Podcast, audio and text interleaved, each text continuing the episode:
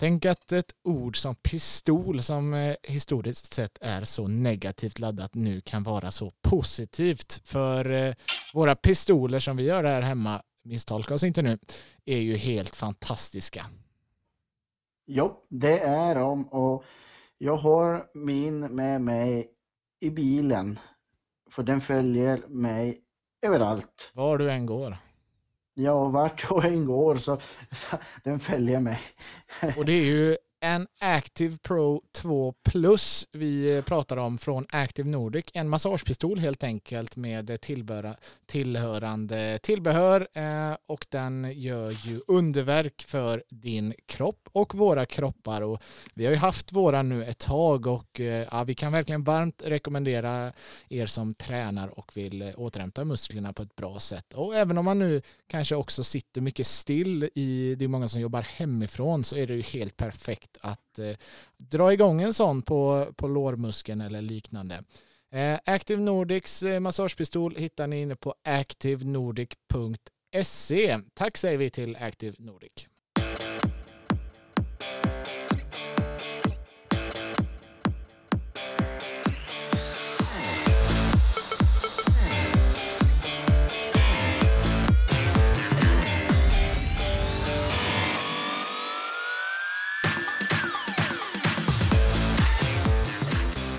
Känner mycket varmt välkommen tillbaka till eh, vårt 23 avsnitt för säsongen av Futsalsnack med Gerd och Moncada.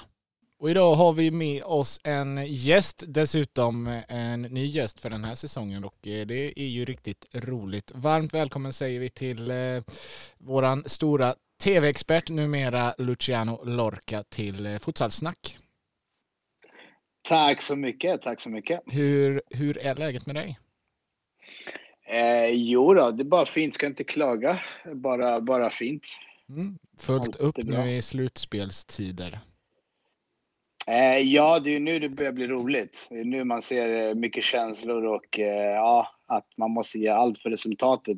Liga, slutet på serien har varit lite, ja, lite halvtråkigt vissa matcher. Men mm. eh, slutspelet så märker man ändå att eh, spelarna taggar till och det blir en extra liten adrenalinkick. Så det, det är kul. Är kul att och finnas där också. Ja men precis. Vi får väl ta och kika läget uppe i Norrland också. Andres, eh, hur är läget med dig då? Det är skitbra. Det är verkligen bra. Eh, efter min eh, födelsedagsfest igår med 500 gäster utan mask, utan mask och utan den där, eller den enda spriten var det vi, vi drack då under, under festen. Så, men nu mår jag som en människa igen. Så ja. det, det, det är skönt. Ja, men grattis eh, får vi säga i efterskott då till eh, dig. Hur ung blev du? Eh, ändlig papperna så har man blivit 34 så jag vet inte. Ja, någonstans där kanske? Ja, där någonstans. Plus minus? Plus, plus minus, ja. ja. Okay.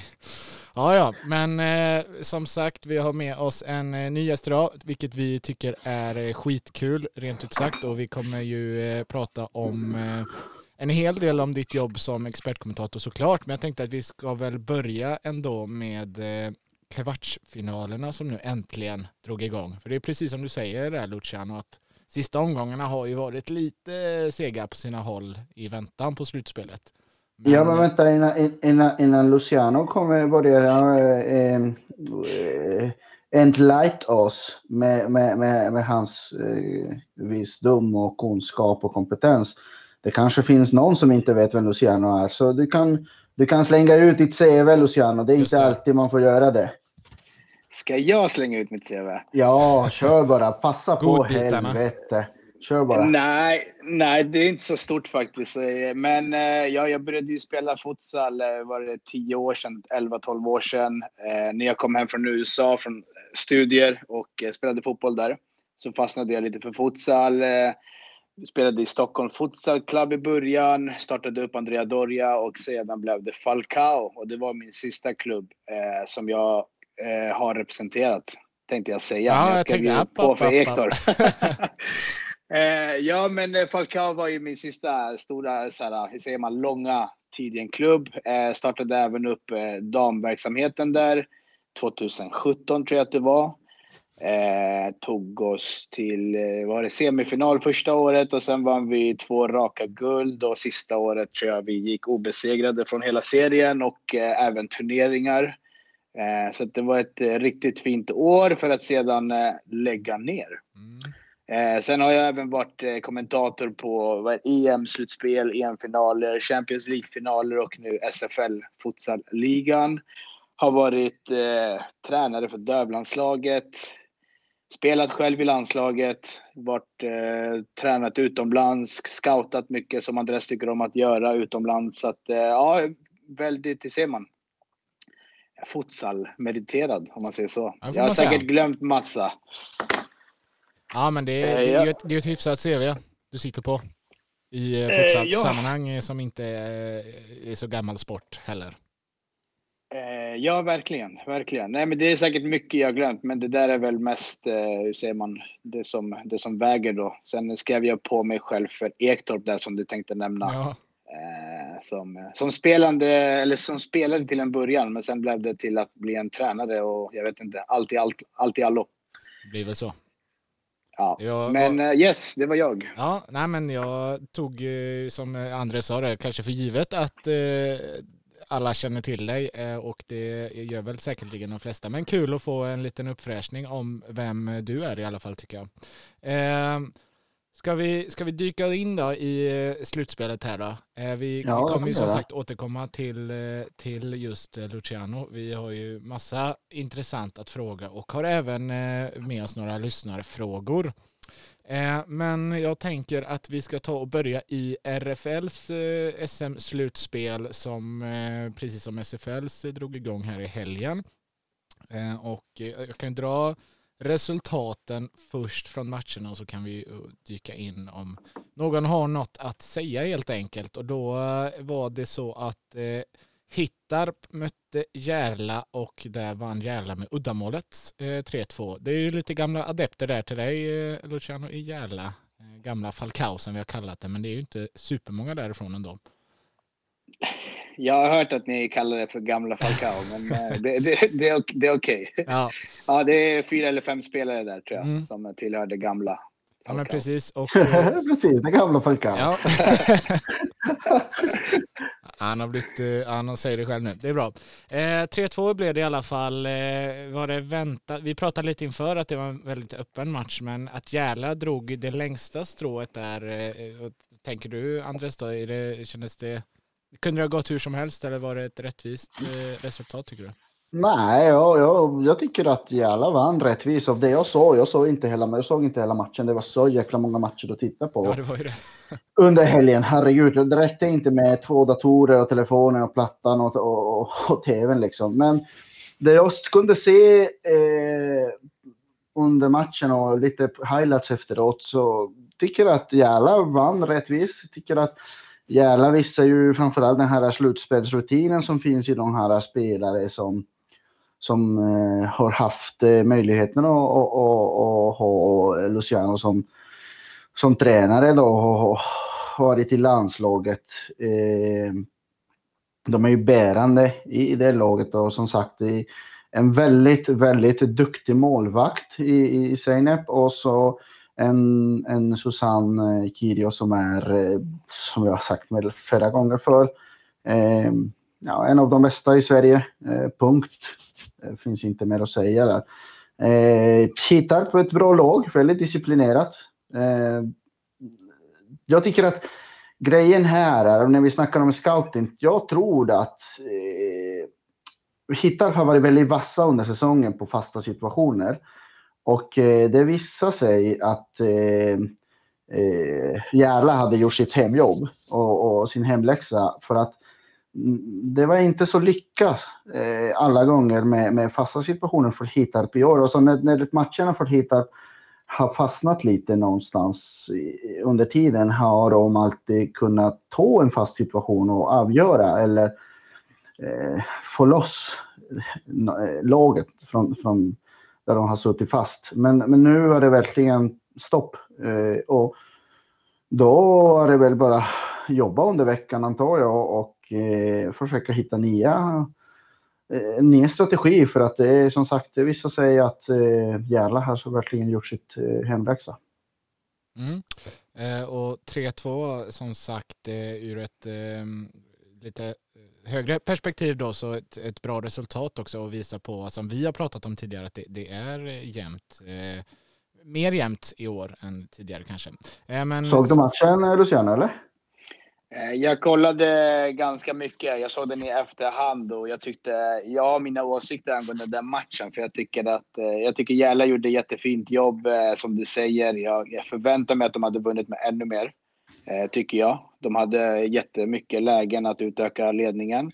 Sen tyckte jag att det var väldigt intressant att se att Hitarps väljer att gå ner i lågt försvarsspel sista 30 sekunder när Järla har boll och man ligger under på hemmaplan.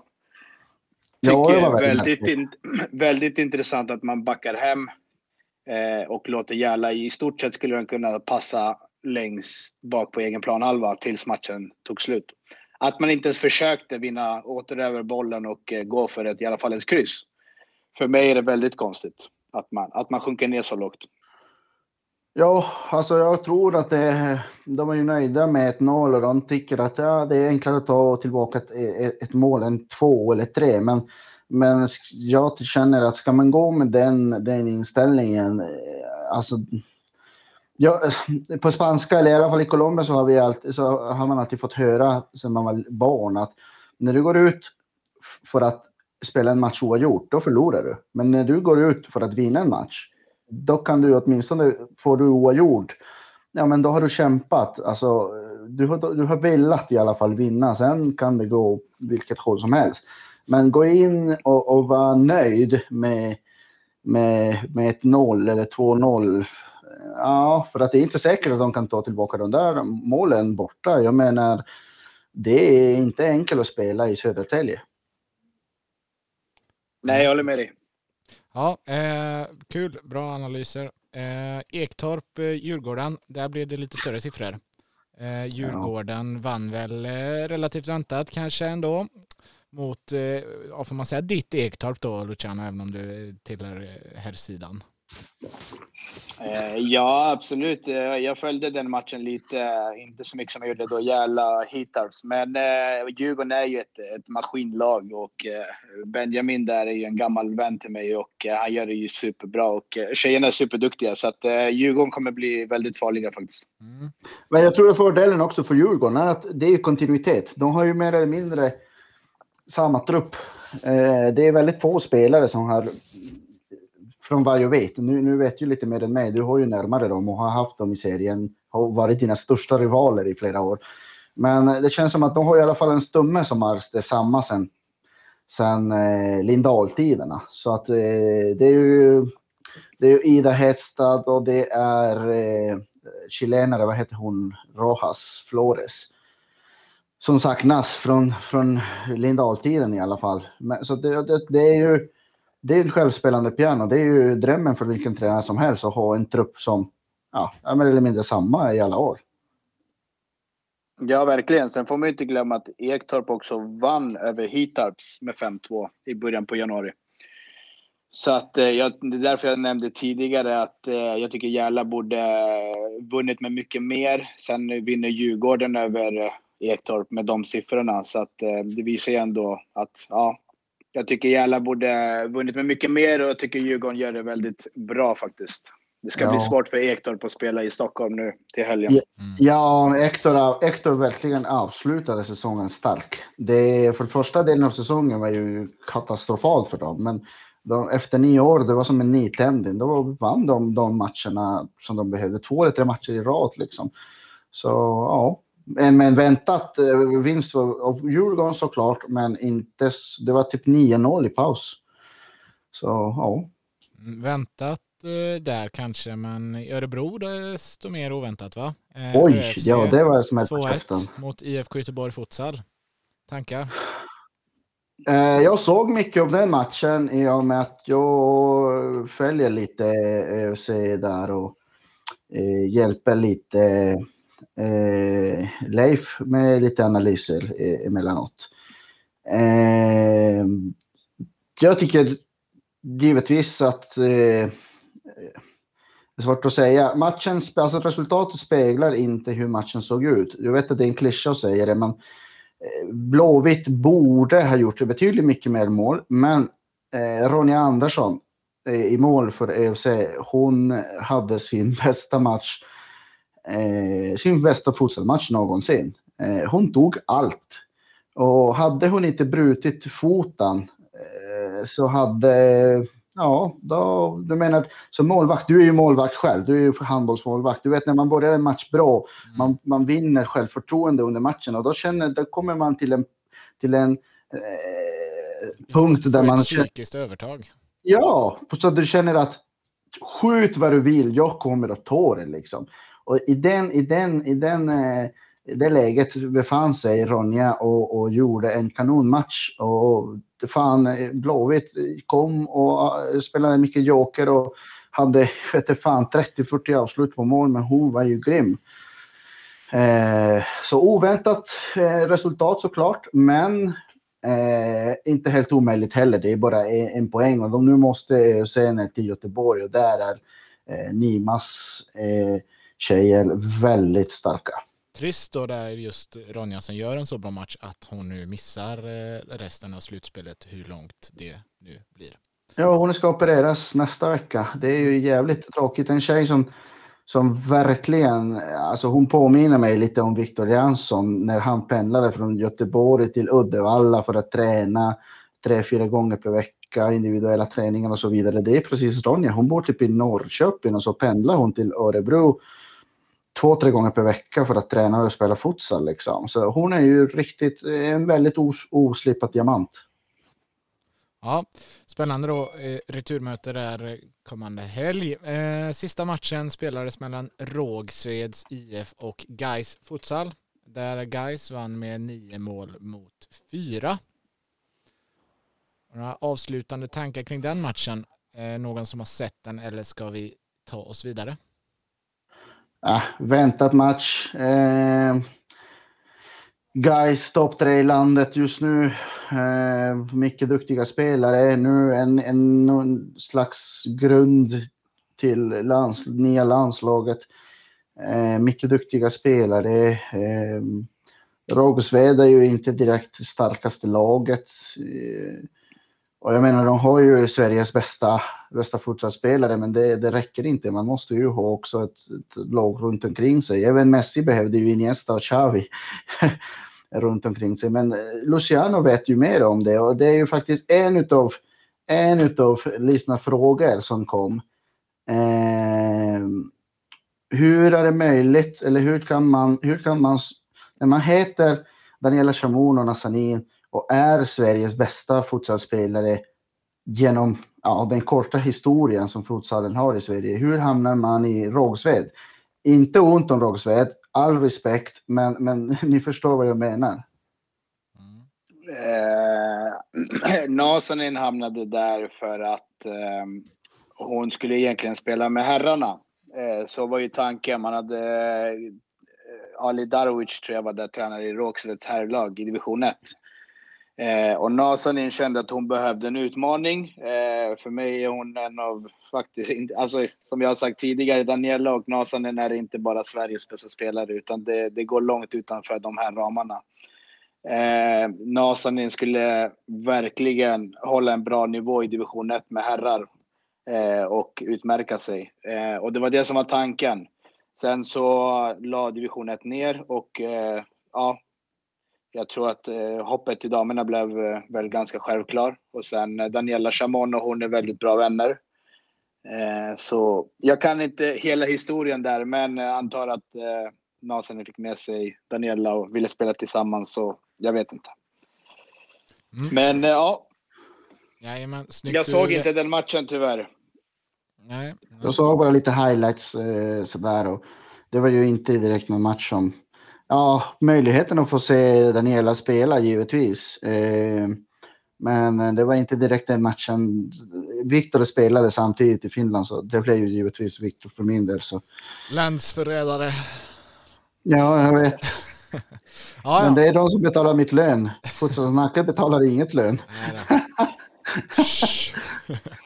Ja, nej men eh, vi ska väl eh, röra oss vidare. Snyggt, du vävde in eh, lyssnarfråga här i, i sammanhanget. Det börjar eh, ta dig som eh, poddare, hörru.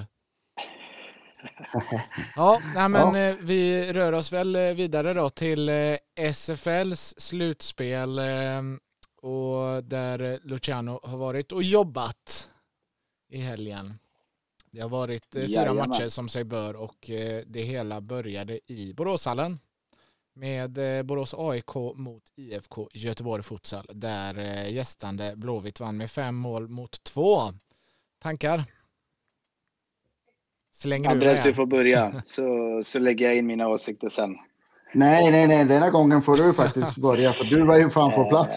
Eh, Ja, jag var inte på plats. Jag var i Stockholm, men jag såg den från, hur säger man, bra... Du har bra fler skärmar än vi övriga. Exakt, jag satt första parkett på Ja. den matchen. Eh, helt okej match. Jag tycker eh, Borås eh, vek ner sig lite. Eh, Göteborg är ju duktiga och eh, i, alltså, i längden så är Göteborg bättre. Eh, bättre spelare. Emilio Rossi hade en underbar, eh, underbar match tycker jag.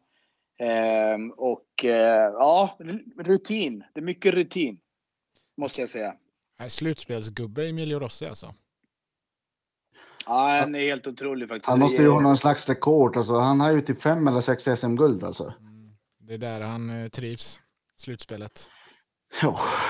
Ja, Ja, men eh, Borås, eh, ja, de var inte, inte på tårna. Jag hade förväntat mig, de har en jätte, jag tycker att Elmström där, pivån i, i Borås, är riktigt duktig. Han är stark, han är, han är teknisk för att ändå vara så stor.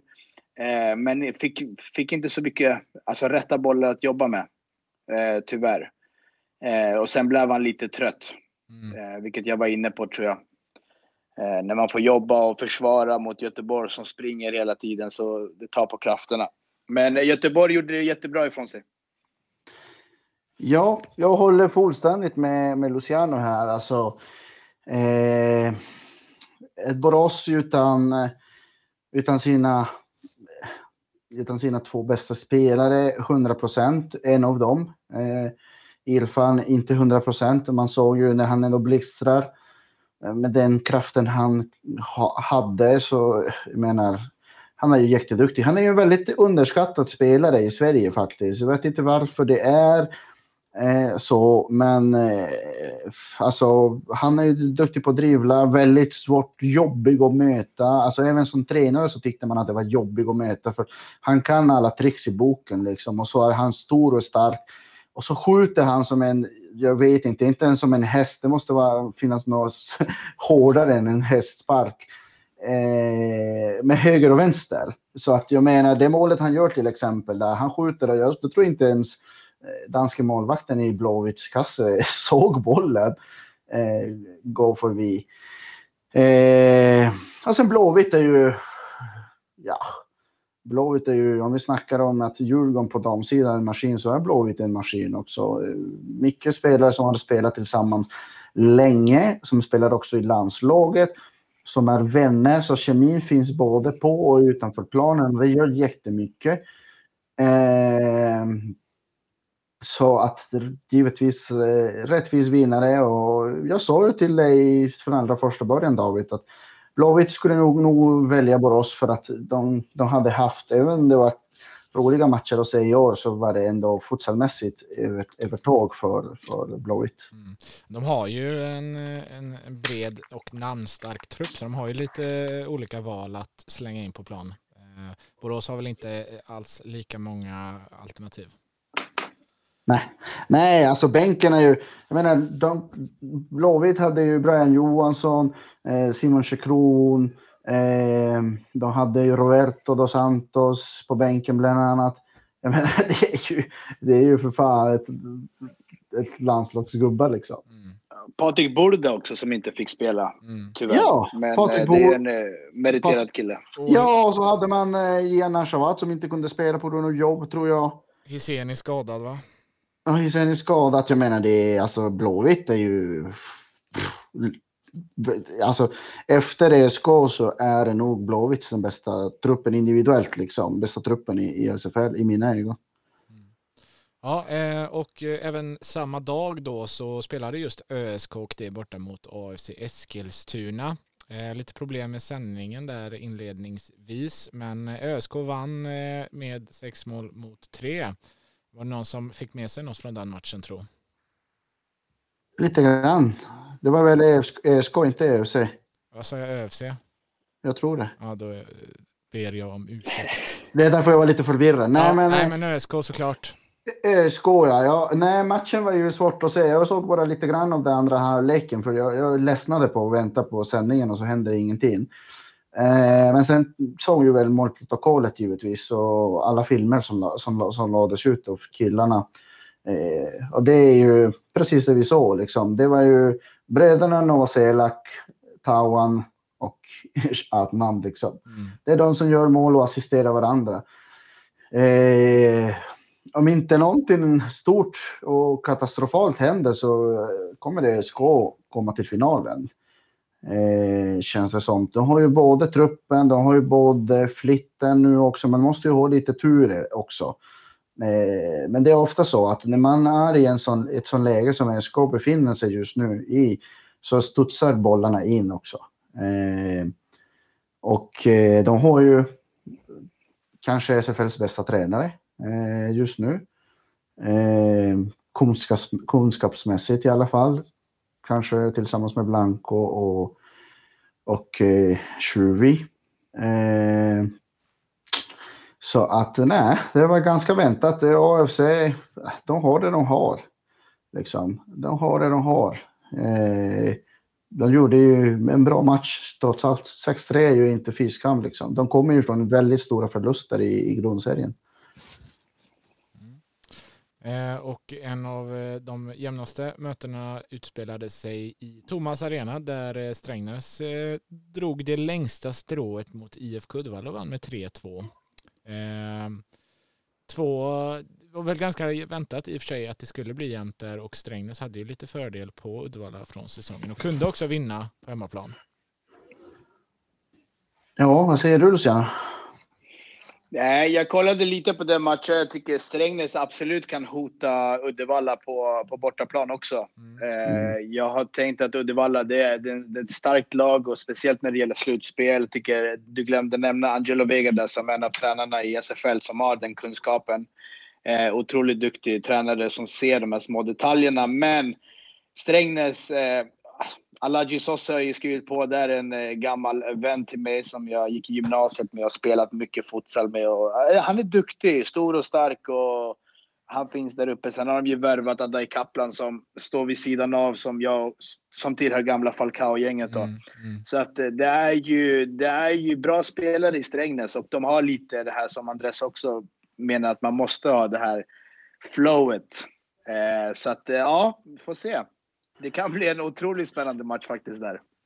Det blir nog en spännande match och, och ja visst, Angelo, vi, vi, du hör, du, jag vet att du är ju en, en trogen lyssnare av podden. Vi, vi hyllade här och jag hyllade Angelo och Uddevalla förra veckan väldigt mycket. Eh, alltså man vinner inte ett SM-guld och två silver, alltså bara sådär. Eh, utan det, måste, det finns ju mycket och sen bygga tillbaka Uddevalla efter efter spillrorna som blev kvar eh, så, så är det inte, är det inte fy skam. Liksom. Det, det ska Angelo och alla i IFK och alla som jobbar tillsammans med honom få en stor applåd för. Eh, jag tror att det kommer hänga, förlåt att jag avbryter där, men jag tror även att det kommer, ni får jättegärna ange era kommentarer på det här, men jag tror att det kommer komma till kritan om vem som kan hålla huvudet kallt. För att jag tror att det kan bli en match med mycket kort eh, i returen. Det var precis det jag var på väg att säga. Att nu, nu när vi kommer, första matchen under, under grundserien i, i, i Strängnäs var väldigt het, kommer jag ihåg. Och sen eh, grejen är att i Uddevalla, en mål att ta tillbaka. Hemma, Strängnäs måste ju hålla det. Det är duktiga spelare som också kan alla tricks i boken. Du, du vet precis vad jag menar. Eh, och de kommer inte att vika ner sig. Och sen vet jag att eh, bröderna Raisi är ju väldigt, väldigt känslomässiga. Eh, de har svårt att hålla huvudet kall alla gånger.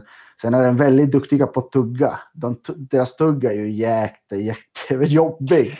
eh, så de ser inget ful, det är ju det som är det värsta. De ser inget ful, de ser ingen förolämpande. Men det de säger, de vet precis vilka knappar de ska trycka på. Sen har vi väl Bredarna Wahid, Javid också som, som är väldigt rutinerade och eh, nej, alltså det kommer att bli en match där eh, domarna kommer tyvärr stå i centrum och hoppas att de står i centrum på ett bra sätt.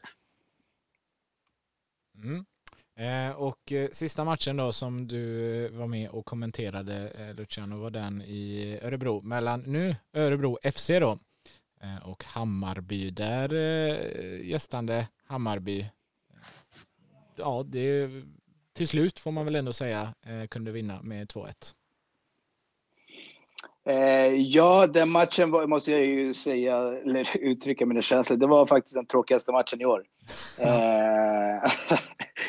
Väldigt eh, tempofattigt, målsnålt, eh, fantasilöst. Eh, ÖFC gör ju det de kan. De vet att man kan straffa Hammarby genom att sjunka ner med ett lågt försvarsspel. Jag tror mm. att jag nämnde det ett flertal gånger att eh, Alltså vill man vara med och utveckla svensk fotboll och vilja synas så måste man börja engagera sig i det höga försvarsspelet och att det blir lite mer match. Eh, sen tycker jag att eh, Hammarby gör ju det ändå helt okej. Eh, de vinner, men eh, inte övertygande. Eh, beskrev, beskrev du där matchen eller beskrev du Hammarbys säsong? Jag tänkte precis säga det. Det är lite så det har ja. varit eh, för Hammarby tuggat Jag har fått faktiskt mycket klagomål angående det där. Men eh, ni får ju säga vad ni tycker om Hammarbys säsong. Ja. Ja, vi får också klagomål. Jag får ju för det här. Det roliga är att jag får meddelande. Liksom, hur fan kan du säga, kan, kan sitta där i podden och säga att du är Hammarby-supporter och kan snacka så mycket skit om oss. Bara, men hallå, jag måste ju ändå uttrycka det jag ser. Sen att jag äh, mitt hjärta är ju vitt och grön när, när det gäller futsal. Det är inte frågan om det, men jag måste ju, jag är inte blind liksom. Sen förstår jag att det finns ju anledningar. Ja, vi har nämnt det flera gånger. Alla skador, tröttheten från att ha haft så jäkla många, eh, eh, så långa säsonger, ingen semester nästan för de flesta corona, ovissheten, oroligheter i landet. Alltså, jag förstår, jag säger ju att de, de drabbas av, av, av, samma syndrom som, som vi hade i Uddevalla i början på varje säsong. Eh, liksom. Men, men eh, det som du säger och som jag, som vi har nämnt i, i, i, i podden flera gånger, i Sverige lönar sig fortfarande att sjunka ner på den där jävla eh, eh, eh handbollsförsvar för att det laget som får hålla i bollen saknar fantasin och tempot att, för att kunna ta sig igenom det här. I, i, I, andra länder, ja, man ser ju väldigt sällan. Det kanske är i någon Champions League-match när någon rumänsk lag möter eh, Inter Movistar och Barcelona, typ, att man ser att det blir samma stil, stil eh, och försvar. Men i Sverige är ju väldigt, väldigt eh, ja, vanlig. Jag menar Norrköping vann över ESK i båda matcherna. Det såg ju precis likadant ut i båda matcherna och, och sen EFC försökte göra samma sak mot ESK för att det hade funkat på, mot Norrköping. Men jag menar, jag håller med dig. Det, jag, jag har sagt det länge, jag har sagt det typ i två, tre år. Jag hatar den här skiten för att det utvecklar inte spelarna. Det är därför spelare som är jätteduktiga i vissa klubbar testar sina vingar i andra klubbar som kanske har ligger lite längre fram i, taktiska, i den taktiska utvecklingen.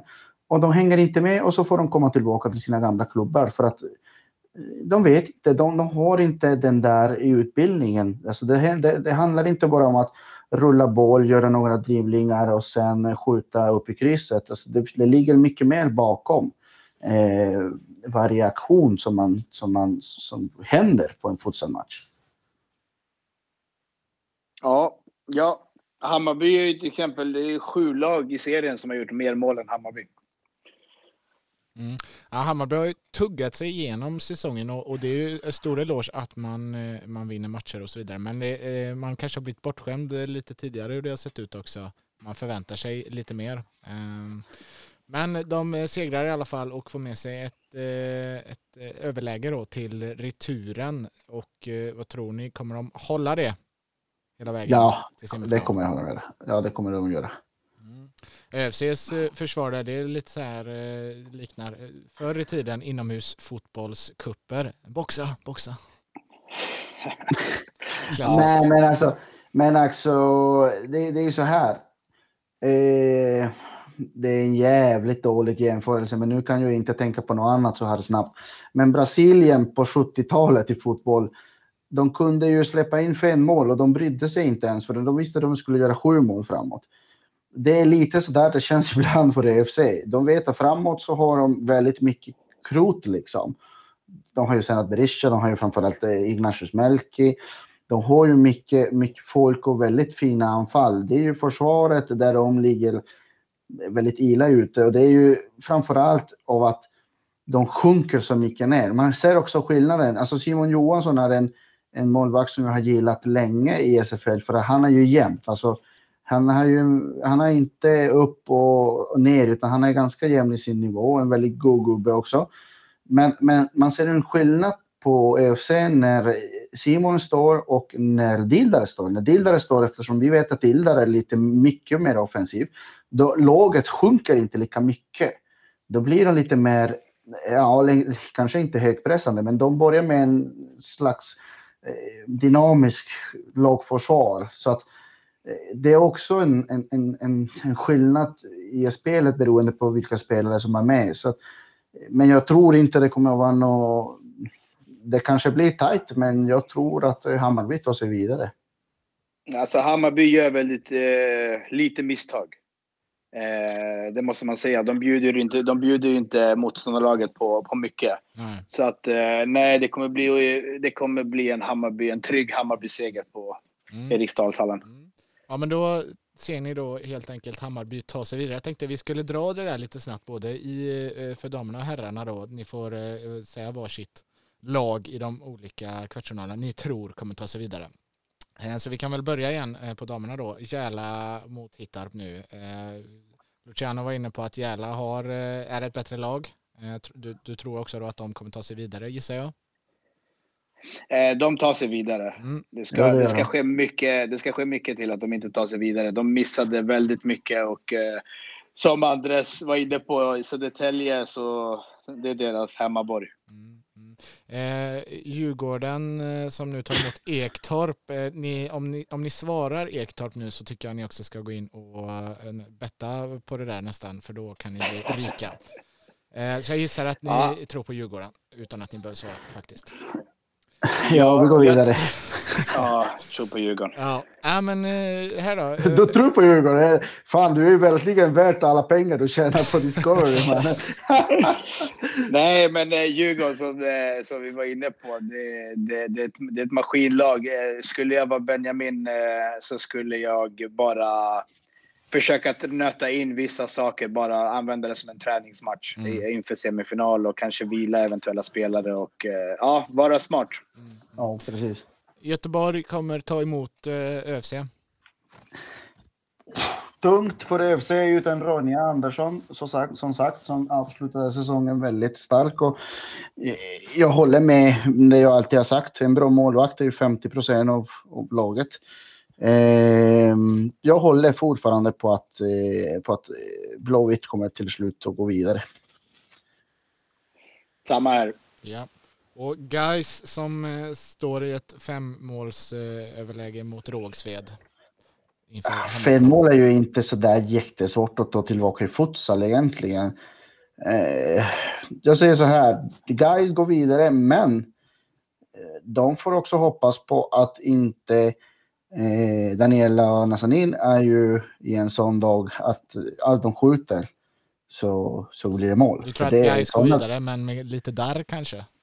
Ja, det kan bli lite där. Men tänk med tanke på att eh, Gais har visat lite, lite inte var 100 procent mentalt eh, starka som de var förra säsongen. De har visat att de kan dippa i, i, i framförallt i avgörande stunder. Och de kanske känna sig lugna nu. Det är ganska enkelt att omedvetet man, man tar för givet en vinst. Och, som sagt, du har ju ja, Nordens bästa futsalspelare. Eh, futsalpar eh, framför emot, liksom, emot dig. Så att, eh, ja, var, var inte så säkra, men jag tror Gais tar det till slut. Eh, min åsikt, det var, Nasanin spelade inte sist. Mm. Eh, så att det, där har du en stor skillnad. Eh, jag tycker det blir en målvaktskamp. Jag tycker Gais har en bättre målvakt. Eh, Rågsved har, eh, har inte så mycket att komma med där, tycker jag. Eh, men återigen, spelar Nasanin och sen Daniela Chamon och de får upp humöret så är 5-0 ingenting. Eller 5 mm. mål underlägen. Mm. Har du någon insider? Eh, Kommer de vara med? Det har jag faktiskt inte. Det har jag inte. Men eh, så då säger jag, där ger jag lyssnarna mina, mina ord. Mm. Eh, men eh, guys är starka. Eh, jag tror att de har bättre målvakt och till slut kommer det komma ner till det. Yes. Mm. Ja, men då har vi semifinallagen klara då, för damerna. På, här, på här sidan så har ni redan skickat Hammarby till semifinal och mellan IFK Uddevalla och Strängnäs så tror ni att domarna får en huvudroll, men blir det något lag där som kanske tar sig vidare också? Mitt hjärta säger Uddevalla. Mm. Vad säger ditt hjärta, eh, Luciano? Eh, jag säger Uddevalla. Ja. Eh, det, jag tror att Uddevalla har lite, lite mer rutin och man spelar på hemmaplan. Eh, att, det är mycket eh, större hall också i mycket större hall i Uddevalla än vad det är i Strängnäs. Nej, vänta, de spelar på Stena. Ja, nej, de, ställer, de spelar på Stena Arena. Mm. Då är det precis lika stort som... Ja, ja. Yes. Men, men det är hem ändå. Ja, IFK Göteborg, eh, Borås AIK. Ja, Göteborg. Göteborg. Göteborg. Mm. Mm. Och slutligen då så är det ÖSK mot AFC. ÖSK. ÖSK. Ja. ÖSK. Yes, ja men eh, spännande då. då. Då får vi helt enkelt vänta och se. Men eh, ni har era lag klara och får se om lyssnarna håller med. Eh, ska... har, du, har du utforskat hur, hur det, eller kanske Luciano vet om det, hur det blir nu i semifinalen? Väljer man lag igen eller är det redan förut uh, sedda eller hur är det? Nej, det är som eh, föregående år. Så att, uh, ja. Så att jag säger ÖSK Uddevalla semifinal. Hammarby-Göteborg semifinal. Mm. Spännande. Vilka matcher? Ja. Ja, eh, och vilka matcher kommer du eh, kommentera här, härnäst då? Eh, jag kör tre dagar i rad. Jag kör Hammarby på fredag. Mm. Och sen den enda matchen vi inte sänder är ju då Uddevalla-Strängnäs. Just det. Ja, det blir Så att det blir Hammarby ÖFC på fredag och sen lördag blir det ju Göteborg-Borås och sen söndag ÖSK mot Eskilstuna. Yes. Ja, men kanon. Eh, ska vi hoppa vidare till, hade du någon mer fråga Andres eh, från eh, mm. någon lyssnare som vi kan ta och börja med nu när vi ändå har lite finbesök här? Ja, precis. Eh, ena frågan var det här. Varför finns det inte fler eh, utlandsproffs eh, från Sverige än, än Victor Jansson? Vad säger du Luciana, är användningen? Eh, varför det inte finns? Jag tror inte... Viktor hade viljan att bli proffs. Eh, jag tror inte att viljan finns hos så många. Eh, jag nämnde det i direktsändningar. Jag tycker Adnan Kirak borde testa sina vingar utomlands. Mm.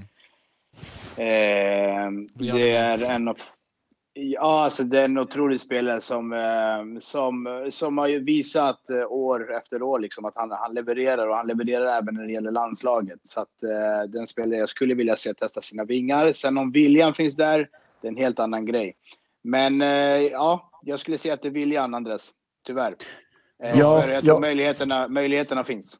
Jag håller med dig och jag har faktiskt lite insight. Jag vet att några spelare eh, i SFL har blivit tillfrågade att, att, av utländska klubbar. Eh, eh, jag vet det för att jag har blivit, eller varit någon slags mellan, mellanlänk där. Eh, nej, nej, absolut inte. Men eh, viljan, viljan att åka utomlands, det är inte bara viljan att åka utomlands, utan viljan att offra så mycket som, som, som man offrar. Grejen är att jag tror att det finns spelare, och det finns i Sverige som, som faktiskt kan tjäna mer i Sverige på att spela fotboll än vad de kan i typ division 3, division 4 än vad de kan tjäna utomlands som fotbollsproffs. Eh, det finns en, en missbild. När vi åkte till, jag har sagt det flera gånger förut, eh, när vi åkte till Spanien och, och på en studieresa med SEF eh, för två år sedan eh, så kunde vi prata med eh, Elches ledning, tränarna och, och ledare. Eh, Elche topplag i andra, i näst högsta ligan i Spanien. Där spelarna måste träna sex pass i veckan plus match. Eh, och de tjänar allt mellan 6 000 till max 15 000 i månaden eh, som, som fortsatt proffs. Eh, målvakten som jag tog från Spanien till, till Uddevalla för att spela Champions League eh, senast. Eh, han tjänar mer på att vara proffs i, i, i Frankrike än, än vad han kunde tjäna eller blivit, blev erbjuden eh, av tre, fyra lag i, i högsta ligan i Spanien. Och han har inte mer än ja, 15-16 000 i månaden. Eh, sen tillkommer ju lite grejer givetvis. Är du utlandsproffs så får du typ mat och boende och eh, lite resor hem och sådana grejer. Men, men jag tycker också att vi i Sverige, eller jag vet att vi i Sverige, jag tycker inte det, jag vet att vi i Sverige har en väldigt hög levnadsstandard. Jag har också blivit kontaktad av klubbar från Vietnam, eh, Dubai, eh, Frankrike, Japan. För att Men, spela? Ja, precis. nu när jag, när jag gymmar så mycket så, så ja, precis. de. Nej, och, och eh, de kan inte erbjuda mig det jag behöver för att min familj jag skiter fullständigt i mig. Jag klarar mig på, på nudlar liksom. Det skulle vara jävligt häftigt att kunna uppleva en, en utlands eh, ja, session. Men jag har ju en familj. Jag har en, de ska ju ha en levnadsstandard som inte skulle gå ihop med de pengarna som har blivit erbjuden till mig för att bli tränare utomlands. Och det är samma för spelarna. Så det är klart, om en spelare, en spelare har ett lön, säg på 30 000 i månad på sitt jobb, på sitt lagerhus eller, eller vad det är. Och så blir det, du är erbjuden 15-16 000 max. Om, om inte ens det. Om inte ens det liksom då blir det väldigt svårt att ha vilja. Du, du kan vara, då måste du vara beredd att offra så mycket. Det är ju väldigt få personer som är beredda att göra det och Viktor är ju en av de få som gör det. Ja, alltså till exempel så här Andres. Jag var ju i Spanien, jag vet, jag vet inte om det var 2016 eller 2017 eh, och tränade med eh, Zamora Futsal Club i division 1.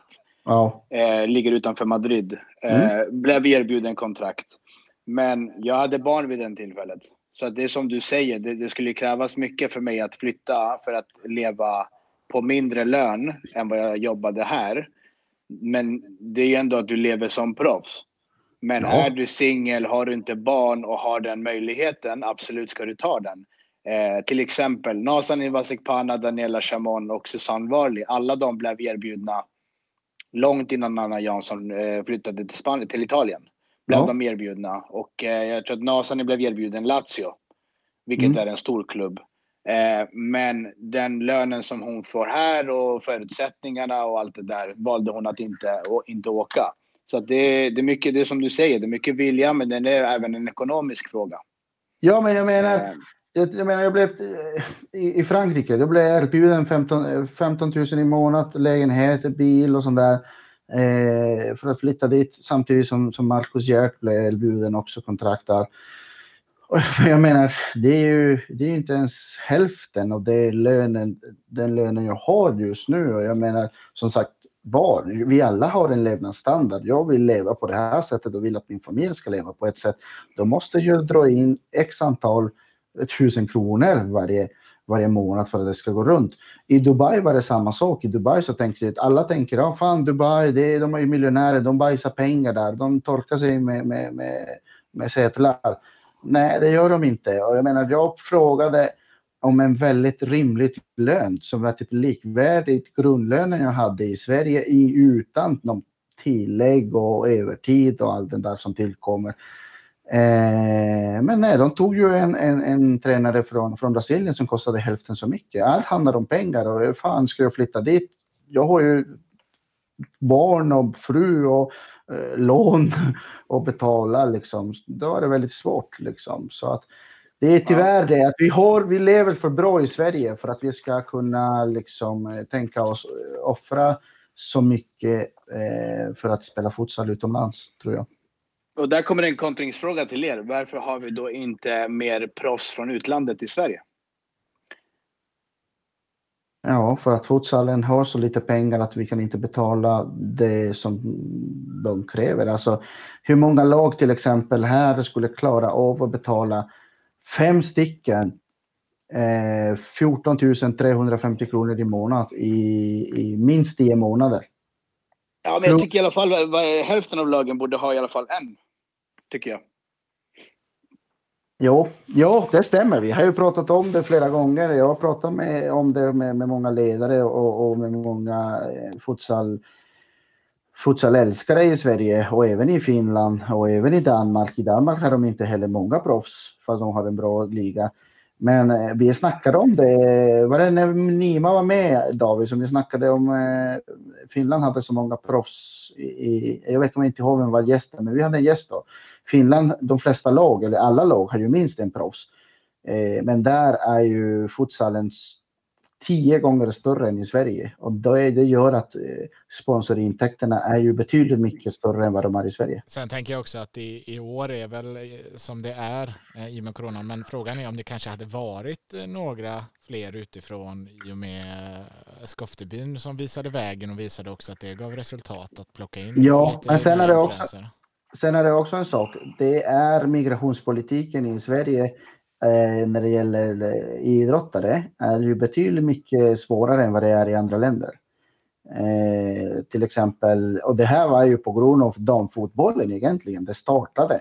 Eh, de startade granska mycket mer eh, det här turistvisum eh, idrottare som befann sig i Sverige. Så att för att du ska kunna spela i Sverige så ska du, så ska du vara proffs och då ska du tjäna in x antal kronor i månad, 14 350 eller något drygt sådär. Och, och, och, du ska inte kunna göra något annat. Och jag menar, vilken förening har de resurserna? Eh, inte ens i elitettan. Inte ens i elitettan. Det var ju en spelare från USA som värvades till Alingsås från Lidköping. Och de fick ju avbryta kontrakten. Jag vet inte om ni har läst det på, på eh, Sportbladet och sånt, men de fick avbryta kontraktet typ tre veckor efter för att ja, jobbet hon, eh, sättet att föreningarna betalade henne var att erbjuda ett jobb, eller de kunde fixa ett jobb åt henne på posten. Men, men hon var ju här på proffs, proffsvisum och då krävs det att du ska leva på din idrott och inte på något annat extern. Och det är det som är grejen, att migrationspolitiken har blivit, eller inte har blivit, det har alltid varit sådär, men nu är det mer bevakat, mer granskat och alla måste göra verkligen rätt ifrån sig. Och det, det gör att eh, allt blir mycket svårare utan pengar såklart. Det blev väl också ganska tydligt att eh, jag tänker att man kanske inte vågar eh, heller i och med man kanske hade velat då först eh, ta, om man tar in någon utifrån ha eh, för det var turistvisum de mm. brassarna var här på mm. Mm. och det som blev där med att de inte vågar ha med i slutspel och den här händelsen mellan Örebrolagen det gör väl också att man man vågar inte spela dem på, på något turistvisum först heller utan då måste man verkligen satsa helhjärtat på ett eh, proffskontrakt för någon man kan ja, men sen, ha sett i match hos sig. Ja, men du, du, kan ta hit, du kan ta hit eh, eh spelare från EU och jag vet, jag får ju massa meddelanden och får veta typ kroater, bosnier, spanjorer mm. som, vill, ja, som, vill komma hit och, som vill komma hit och spela. Men de behöver också mat, mm. boende. Till, boende till exempel, vi, det är ju typ bostadsbrist i hela Sverige, så det är ju inte så jäkla enkelt att hitta boende. Eh, de ska ju ha mat och sen ska de ha ett lön på minst 10 000 i månad. Eh, jag menar återigen, hur många lag klarar rent ekonomiskt och framförallt nu i dagsläget att göra en sån satsning? Ja, men eh, känns ändå som att uppmaningen då härifrån är väl att det är unga spelare som eh, kommer upp och börjar eh, verkligen fastna för futsal. Får ni chansen så ta den. Ja. ja. Vi vill ha fler utlandsspelare.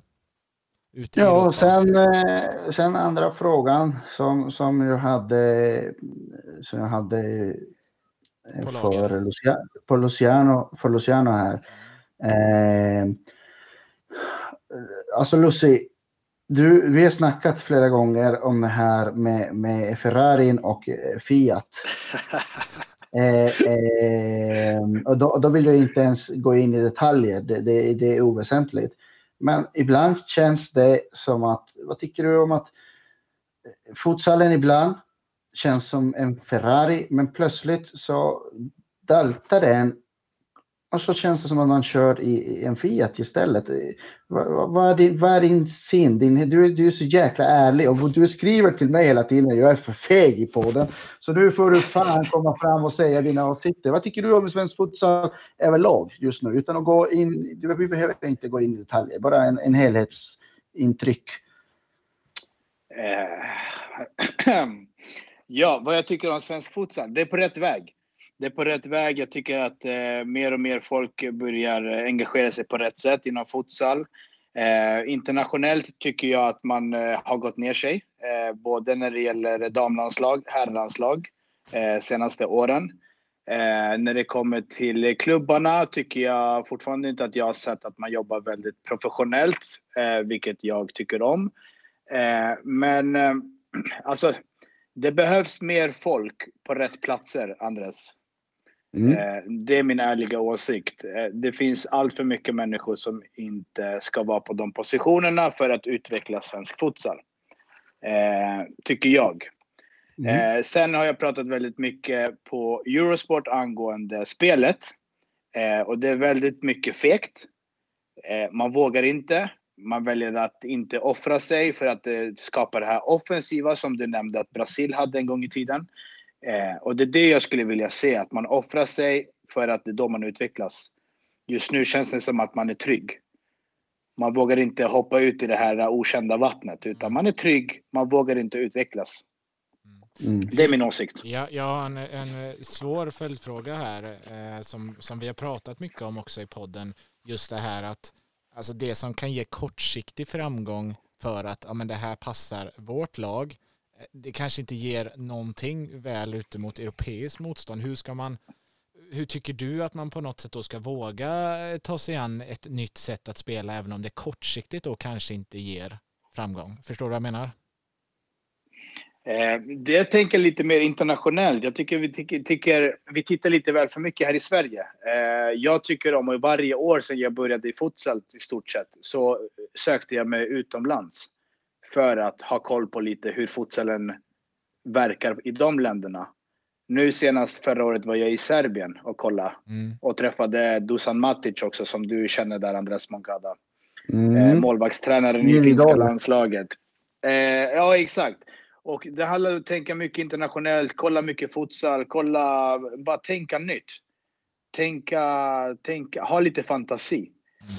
Eh, jag tycker dock till exempel att damfutsalen har, eh, är på rätt väg. För jag känner nu att allt fler folk med kunskap börjar ta sig an dam eller damverksamheter.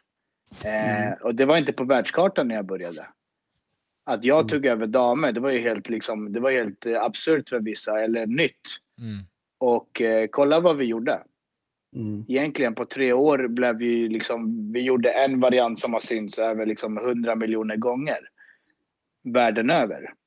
Yeah. Och det är liksom så här, det är för att jag kollar väldigt mycket internationellt och jag lär mig nya saker och jag tänker hela tiden. Jag, jag hur säger man, kollar på videoklipp i slow motion så att jag vet vad, varför gör vi det här? Och det är det jag försökte förklara för damerna när jag tränar dem. Att just nu är det många som förstår, okej, okay, vi spelar 1-2-1, vi ska göra sådär, sådär. De har redan ett sätt att tänka på. Men sen om det blir någonting nytt, då vet de inte hur de ska tänka. För de mm. förstår inte grunden. Varför gör vi det här? Det är som att du går till McDonalds och beställer en Big Mac. Och sen säger du till andra kassören, jag vill ha en Big Mac utan sås, utan ketchup, utan ost. då blir, det lite, då blir det lite stilla där för att det enda de vet är knappen på skärmen där det står Big Mac. Mm. Förstår ni? De kan det här av, men de förstår inte grunden bakom mm. det. Mm. Nej, men det är som jag, som jag sa tidigare, att det är vissa spelare som, som, som, som utmärker sig i sina respektive lag. Sen vill de ta sig an nya utmaningar, går till en annan, till ett annan, till en annan klubb där det kanske är mer taktiskt slipade än, än, sin gamla klubb och så efter ett par månader så känner de att fan det här är, nej jag hänger inte med. Och så går de tillbaka till sin trygghet. Jag, tycker, jag, håller fullständigt med dig, Luciano, eh, i, i, i det hela. Jag tror jag har snackat om det här. Vi har försökt snacka om det här i, i podden flera gånger. Jag, alltså, grejen är att ah, det, är gammal, det finns en gammal klyscha att alla förändringar är jobbiga och att inte alla förändringar passar alla människor. Jag tror att vi, vi är väldigt bekväma i det vi gör. Vi känner vi är i vår tryggplats. Vi har väldigt svårt att liksom testa något nytt jag, jag märker ju skillnaden till exempel när jag har tränat i Sverige. Eh, tar lite extra eh, att få spelarna eh, att, att vilja testa något nytt, till exempel som jag har sagt förut, fasta situationer, lägga ner den tiden som verkligen krävs för att du ska bli duktig på, på fasta situationer. Jag har hört många spelare säga vi måste bli bättre på fasta situationer. Och så frågar man hur länge tränar ni per vecka fasta situationer? Nej, aldrig. Eller hur många gånger har ni suttit med, med, med, med målvaktstränaren eller med, med, med, med era tränare eller med era målvakter till exempel och, och, och analyserat hur ni ska försvara fasta situationer. För det är ju ändå målvakten som styr. I alla andra lag är det målvakten som styr eller målvaktstränaren som styr fasta situationer. Eh, och, men nej, det, det, gör de aldrig. Och jag märker skillnaden när jag är i Finland. När jag kommer till Tornio, det är ju proffsspelare. Det är ju tre, det är fyra stycken finska landslagsspelare, det är en brasilianare. Det är ju proffsspelare i Tornio. Som när, när det är min tur och prata om fasta situationer och liksom eh, matchanalys och sådana grejer. De sitter och lyssnar. Och när jag säger att nu ska vi göra den här övningen, det är ingen som säger emot. Och det handlar inte om att de är proffsspelare, det handlar om, om först respekt eh, för, för, för det arbetet vi gör som ledare. Och sen handlar det om också att futsal är ju mycket, mycket större för dem än, än, än, än, Eh, än vad vi kanske förstår. Och de vill lära sig och de vet att eftersom de har haft Micho Matic och Dusan Matic där så länge och, och som sagt deras, li, deras liga så kompetitiv att de är inte rädda för förändringar.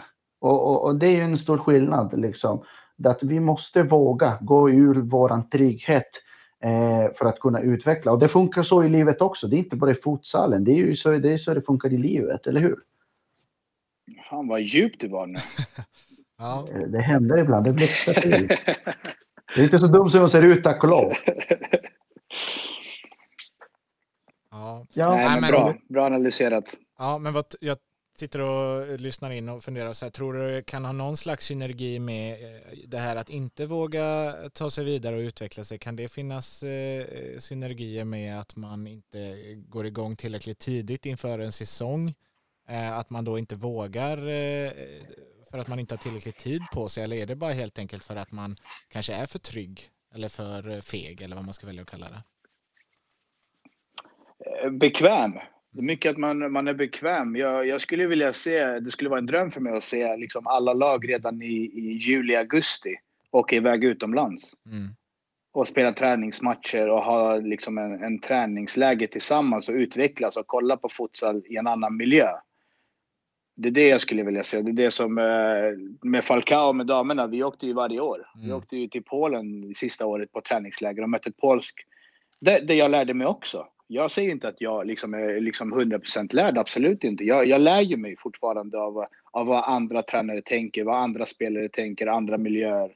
Så att det handlar om att lära sig, vilja lära sig. Jag vill ju fortfarande lära mig också. Ja, Så men att, eh, det är det. Jag menar, jag sitter ibland Eh, eller ibland eh, jämt, och tittar på mycket internationell futsal och drömmer om, om att kunna göra vissa grejer. Och vissa grejer går inte för att vi är inte där. Det är det, det som, som du säger Lucy, att det finns mycket detaljer bakom varje aktion liksom. Och, och vi måste ju utveckla step by step. Men, men eh, alltså jag säger bara så här David. man kan aldrig förvänta sig en annorlunda resultat om man fortfarande har gör samma, äh, genomför processen på exakt samma sätt. Förstår du? Mm, vi kan inte förvänta oss att vi ska utveckla och att det ska, utfallet det ska bli annorlunda om vi fortsätter att göra och dalta varje år med samma saker. Att vi inte får spelarna i tid, att vi inte får dem att träna mer än en, två gånger per vecka, att vi inte får spelarna att vilja träna den fysiska eh, delen av, av spelet också, att vi inte får spelarna att förstå vikten av taktiska eh, varianter att vi inte får spelarna att vilja lära sig mer fasta situationer, att vi inte får spelarna att titta på internationell futsal, att vi inte ens får spelarna att titta på eh, svensk futsal. Många spelare tittar inte ens på svensk futsal för Nej. de tycker det är för tråkigt. Nej, men det, och sånt, det där kommer inte ändra sig över en natt heller, precis som du säger. Eh, alltså det, man måste ju aktivt göra någonting åt det, utan det är inte så att helt plötsligt eh, från en dag till en annan så kommer det se annorlunda ut, utan fort, det, det kommer ju fortsätta i samma hjulspår annars. Jag, säger, jag, har ett ex, eh, jag har ett exempel där som, eh, som passar väldigt bra in. Vi var med damerna så skapade vi ihop ett litet... Eh, vi var inte Falcao direkt. Vi var olika spelare åkte till Spanien för några år sedan och spelade en liten mästerskap där nere. Jajamän, i sista, sista dagen fick vi möjlighet att gå och kolla på Barcelona mm. som skulle möta Tenerife på, på hemmaplan där i Barcelona. Jag i stort sett tvingade mina tjejer att vi ska dit. För det här var typ en, hur säger man, valfritt. Ja. Jag tvingade dem. Okej, okay? och man, vi fick ju betala biljetter och sånt var för sig. Mm. Men det fanns vissa tjejer som då inte tillhörde mitt lag som inte ville gå och kolla på den här matchen. Och då tänker jag så här, du är och spelar en futsalturnering. Du har möjlighet att kolla på Barcelona, som är, alltså, det är Barcelona. Men du väljer att inte göra det. Ja, jag det, det, passar ju så, det passar ju så bra på det du ja, sa nu Anders. Ja. Det är liksom så här, ledarna måste ju också ta lite ansvar och, eh, och få sina spelare att följa den tråden som du vill att de ska göra. Jag säger, jag säger så här. Jag får varje vecka förfrågningar från Viktor Mosberg. Vart kan man se futsal? Petri Tjuvi frågar, Nima frågar. Det finns flera exempel på spelare som frågar. Musse Säkria frågar mig också. Musse, Musadik frågar mig. Eh, vart kan man se denna matchen och denna matchen och denna matchen? Det finns flera spelare som gör det och det är ju, det är ju det, det, man ser också det i deras spel. Man ser också varför till exempel Viktor Mosberg gick från att komma som reserv till U19-landslaget i allra sista matchen i februari förra året till att vara nu ordinarie i, i, i A-landslaget fast han spelade för Skoftebyn som hade en katastrofalt dålig säsong. Samtidigt så tänker jag exemplet som Skoftebyn satte förra året. Fyra träningstillfällen per vecka. Ena av dem var ju fysisk med Sofia Olofsson eh, på gymmet. Och så var det fys i 45 minuter mer eller mindre varje, varje, varje träning. För det är ju föraktivering och aktivering. För det gjorde att, att eh, vad heter, skadorna och att det, det fysiska aspekten av spelet var mycket bättre. Och, och, det var liksom, vill du inte, klarar du inte av det, kan du inte lägga ner tiden, ja men då behöver du inte spela. Och det är inte alla lag som kan göra det heller, eller som vågar göra det. Det, det, det låter ju osagt om det är vilja eller om det, är, om det inte finns möjlighet. Men någonstans kommer det att hända. Och någonstans måste det hända, för det är ju exakt så det är i Finland till exempel. Micho Martic till exempel. Han säger till spelarna på sommar när fotbollssäsongen är över, ni ska spela fotboll för jag vill inte att ni ska sitta hemma och äta en massa skit och bli feta och långsamma. Han vill att de ska spela fotboll. Men när det bankas futsal, då är det fan futsal som gäller. Så att, ja, det finns mycket. Liksom, vi kan prata här i tio timmar säkert. Men, men eh, jag tycker det, är det var roligt. lyssna på, tyvärr. Gott, gott snack i alla fall med, med, med, med min hermano. Ja, en, en fråga här bara, prata lite tränarbiten och det här. Nu skulle du, förstod jag det som du halkade över lite mer åt tränarhållet i Ektorp, eh, men där blev det ju inställt. Saknar du hetluften, stå vid sidan, Luciano? Eh, ja, alltså början var det ju tänkt att jag skulle komma och spela mm. och, och, hjälpa dem de matcherna de behövde mig och, och de nappade ju direkt. Eh, de är jätteproffsiga i sitt arbete där i Ektorp. Så det, mm. det var någonting som drogs, drog mina ögon dit med tanke på att det finns ju flera division 1-klubbar här i Stockholm. Mm. Men jag kände att eh, Norrköping och där i Ektorp så gör man saker så som jag tycker om att saker blir gjorda. Mm. Eh, sen så blev det att jag började ta lite mer ledarroll. Spelarna där eh, kände att de litar på mig. Vi har jätteduktiga spelare där. Du märker ju mm. nu bröderna Novoselac, Ignatius Malki, Paul Chamon, bara för att nämna vissa. Mm. Bara de fyra liksom gör ju sitt avtryck nu i SFL. Mm. Eh, så att jag körde då första tre matcherna där var jag tränare. Vi körde Hammarby, eh, vann mot Hammarby 5-2 och sen eh, så fick jag inte typ spela av dem. Kändes det som. De ville ha mig lite vid sidan av för att eh, ja, men de märkte att för jag och Slaven Novoselac, Slaven är ju tränare där, att vi hade något bra på gång med tanke på att han var spelare och då kunde jag vid sidan av vara på matcherna och se andra situationer som han inte såg. Yeah. Eh, och sen körde vi, han vi ju spela två matcher. Dribbla United och eh, Söder Futsal. Eh, vi släppte inte in ett enda mål. Eh, så att eh, verkligen eh, superbra. Vi hade något bra på G. Mm. Eh, jag kanske blir spelare igen. Jag vet inte. Jag är jättesugen på att spela, kanske inte SFL eh, med tanke på att det, det, går emot det kontraktet jag har eh, med Eurosport. Mm. så att division 1 passar mig utmärkt och ja, jag saknar ju det. Ja, Absolut. Det, det hade varit kul det var ju tråkigt att säsongen blev inställd för mitt mål var att ta mig till, ta Jokkmokk till, till eh, kvalet i alla fall och, och, jag tänkte alltid att det skulle vara jävligt kul att få möta Ektor bara för att eh, de är så jävla duktiga och, och eh, nej, det var synd. Det var synd också att säsongen blev, blev inställd. Eh, men eh, ja, det kommer ju nog flera möjligheter hoppas jag. Mm, vi får se då om det blir eh, en eh, fortsättning på det här projektet då när det väl blir division 1 futsal igen då helt enkelt för dig. Eh, mycket, mycket roligt att ha dig med. Vi hade ju som sagt kunnat eh, sitta här och prata hela natten eh, om det vore så. En sista, sista fråga här nu innan vi ska börja runda av. Eh, du hade ju en tävling på din Instagram där man skulle tippa resultat. Hur nära var ja. det egentligen att vinna? Eh, du var inte alls nära, men vi hade tre vinnare och eh, ja, det var, det var faktiskt en som jag fick mycket frågor om varför han vann. Ja. Eh, det var Tolga Iranci där som spelade den han? matchen. Ja. det var tre personer som tippade rätt i alla fall i halvtidsresultat, ah. vilket var 1-1. Ja. Och det var Slaven Novoselac, Tolga Iranci och eh, Augustin.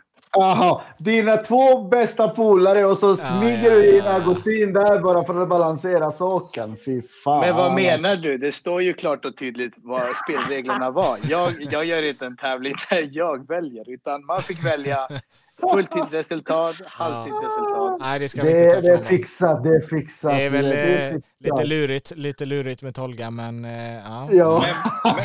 Men, men, men, bara för att du tog upp det här så kommer jag göra en ny tävling. Ah, det här kommer vara lite roligt, för att det här är anpassat till Andres Moncada. Ah. Det kommer att man kan vinna ett par målvaktsskydd då från Dusan Matic. Oj, oj, oj. Eh, som han har sitt egna märke som jag kommer att tävla ut nu till helgen till eh, de nästkommande kvartsfinalerna. Så det blir en liten målvaktsvinst. Ja, vad, för din skull Moncada. får du passa på att marknadsföra ja. lite då. Var hittar man den här tävlingen då? Eh, den finns på Instagram på Lorca Futsal Academy, en akademi som jag driver och tränar eh, vissa lag här i Stockholm och utanför och eh, kör individuella träningar men mest är det ett, ett, ett hur säger man, lagträningar mm. där jag kommer och eh, lär ut. Eh, alla åldrar har det blivit nu faktiskt, vilket är jättekul. Ja, får ni gå in och följa och hålla utkik då inför eh, roliga grejer. Jag får väl invänta nästa gång du tävlar ut en sån där träd. De såg ju trevliga ut. Ja, toppen. Kul, ja, men, Kul att få vara med. Ja, det var riktigt trevligt. Eh, tusen tack så får vi väl säga tack till er som har lyssnat också och så hörs vi som vanligt igen om en vecka igen. Ha det bra.